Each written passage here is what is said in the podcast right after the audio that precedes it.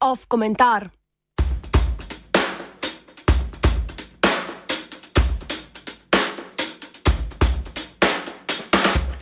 Priznanje Izraela v zameno za kaj?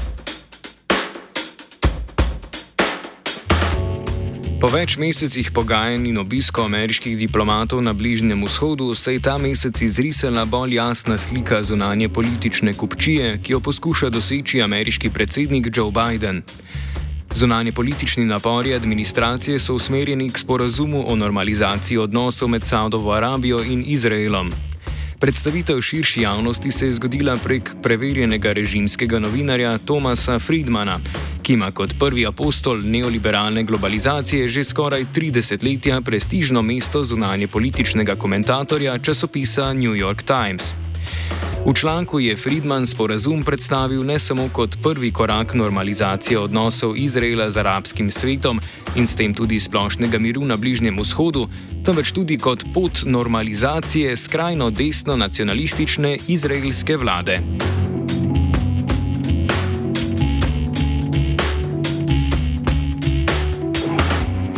Predlog sporazuma, če se osredotočimo zgolj na po več virih potrjene zakulisne informacije, vsebuje poleg normalizacije odnosov tudi številne člene, ki na tak ali drugačen način vključujejo Združene države Amerike. Kot prvo, Saudova Arabija od ZDA želi varnostni sporazum, po katerem naj bi se Washington zavezal braniti Rijad v primeru napada, ki bi seveda v očeh saudske vlade najverjetneje prišel iz Teherana. Poleg tega bi ZDA v Saudovo Arabijo dovolile izvoz bolj naprednega orožja, predvsem vojaških letal in protibalističnih raket.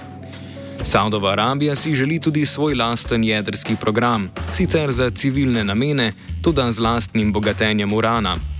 Rijad bi poleg priznanja Izraela v zameno končal tudi svojo vojno v Jemnu in zagotovil dodatno financiranje palestinskih oblasti na Zahodnem bregu.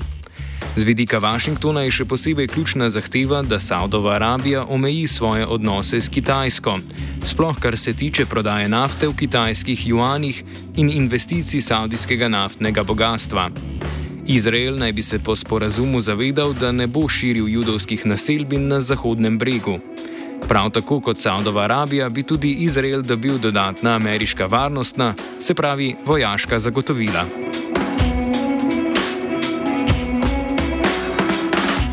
Povsem očitno je, da sta popolni zmagovalki takega sporazuma, če bi se uresničil, Saudova Arabija in Izrael.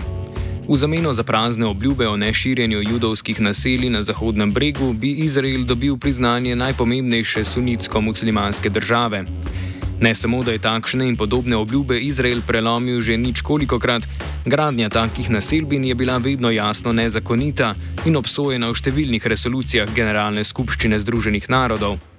Še bolj ključno, judovske naselbine zidovi urede že sedaj prepredajo Zahodni breg in tako de facto onemogočajo nastanek funkcionalne palestinske države. Domnevna izbira, ki naj bi jo Washington postavil pred judovske nacionaliste, odnosi z arabskim svetom ali priključitev celotnega Zahodnega brega, je povsem lažna. Cilj je in bo ostal oboje. Vse, kar bi tak sporazum omogočil Izraelu, je manj protestnih not vlad arabskih držav ob nadaljem zatiranju palestincev. Saudova Arabija bi dobila varnostni sporazum z ZDA. Zavarovalna polica ameriške vojske bi tudi za njo zmanjšala tveganje povračilnih ukrepov Teherana ob agresivni politiki Rijada. Skupaj z možnostjo nakupa najmodernejšega ameriškega orožja gre torej za nominalno obrambni pakt, ki bi v praksi Saudicem omogočil še bolj napadalno politiko.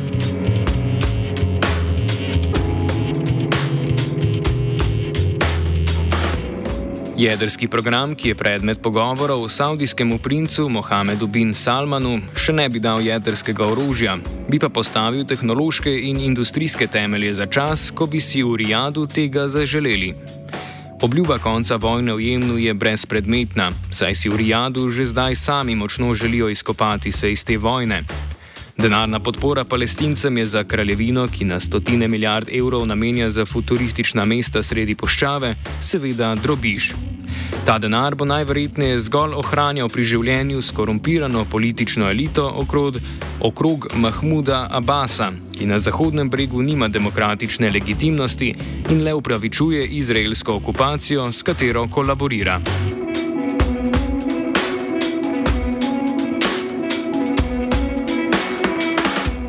Najbolj presenetljivo je to, kaj bi tak sporazum pomenil za ameriške interese.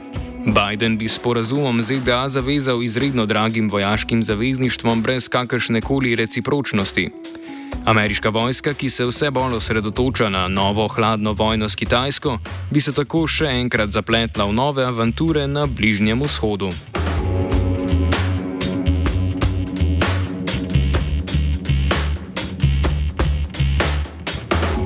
Skoraj neverjetno je, da v Washingtonu še vedno mislijo, da bo normalizacija odnosov, pod katero bi se podpisala Benjamin Netanjahu in Mohamed bin Salman, pomenila preboj v odnosih med Izraelom in arabskim svetom. Kot da časi, ko je bil Izrael vsakih deset let v splošni vojni z arabskimi sosedi, niso minili pred pol stoletja.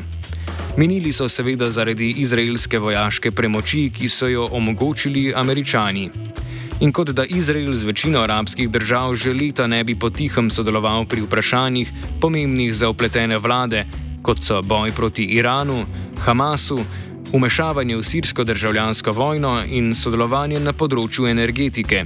Sporazum bi torej zgolj obelodanil dinamiko odnosov, ki obstaja že leta.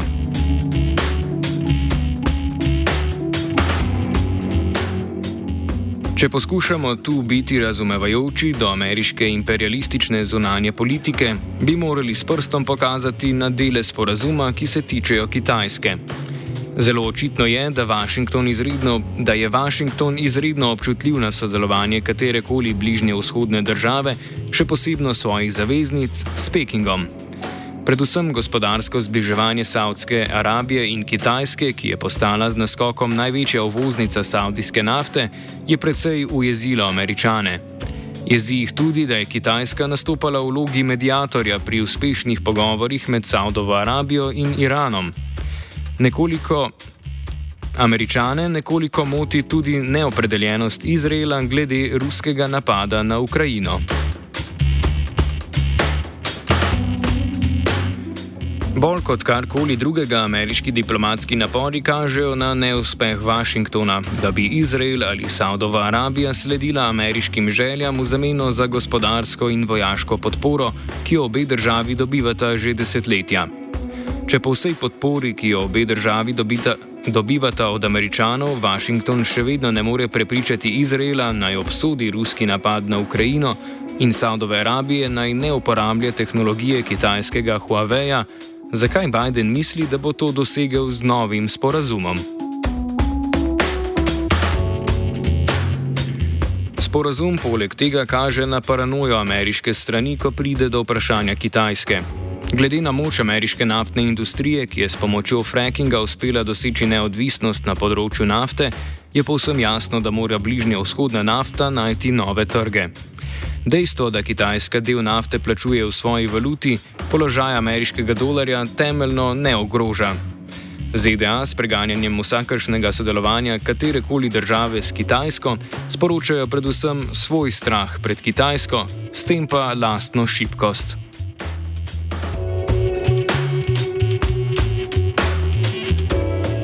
Vseeno bi sporazum prinesel veliko zmago za Joea Bidna, vsaj na enem področju na notranje političnem, posebej pri vplivnem proizraelskem lobiju. Ta ne vključuje le ameriških judov, ampak tudi večje in vplivnejše segmente ameriške elite. Podpora Izraelu prinaša pomembne politične točke na Floridi, ki bo na predsedniških volitvah prihodnje leto ponovno ključna v boju za Belo hišo.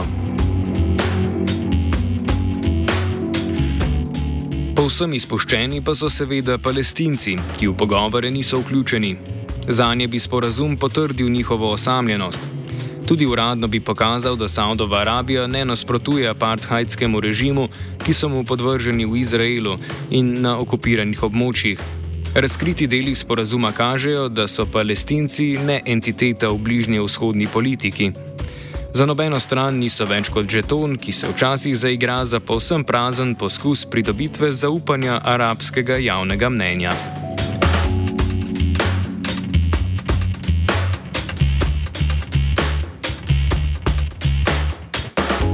Palestinci niso dejavnik niti v izraelski domači politiki. Že zadnje pol leta potekajo protesti proti sodni reformi, ki naj bi ogrožala obstoj demokracije v Izraelu. Izraelske demokracije po tej logiki nikoli ni ogrožalo sistemsko izvajanje vojnih zločinov na okupiranih območjih.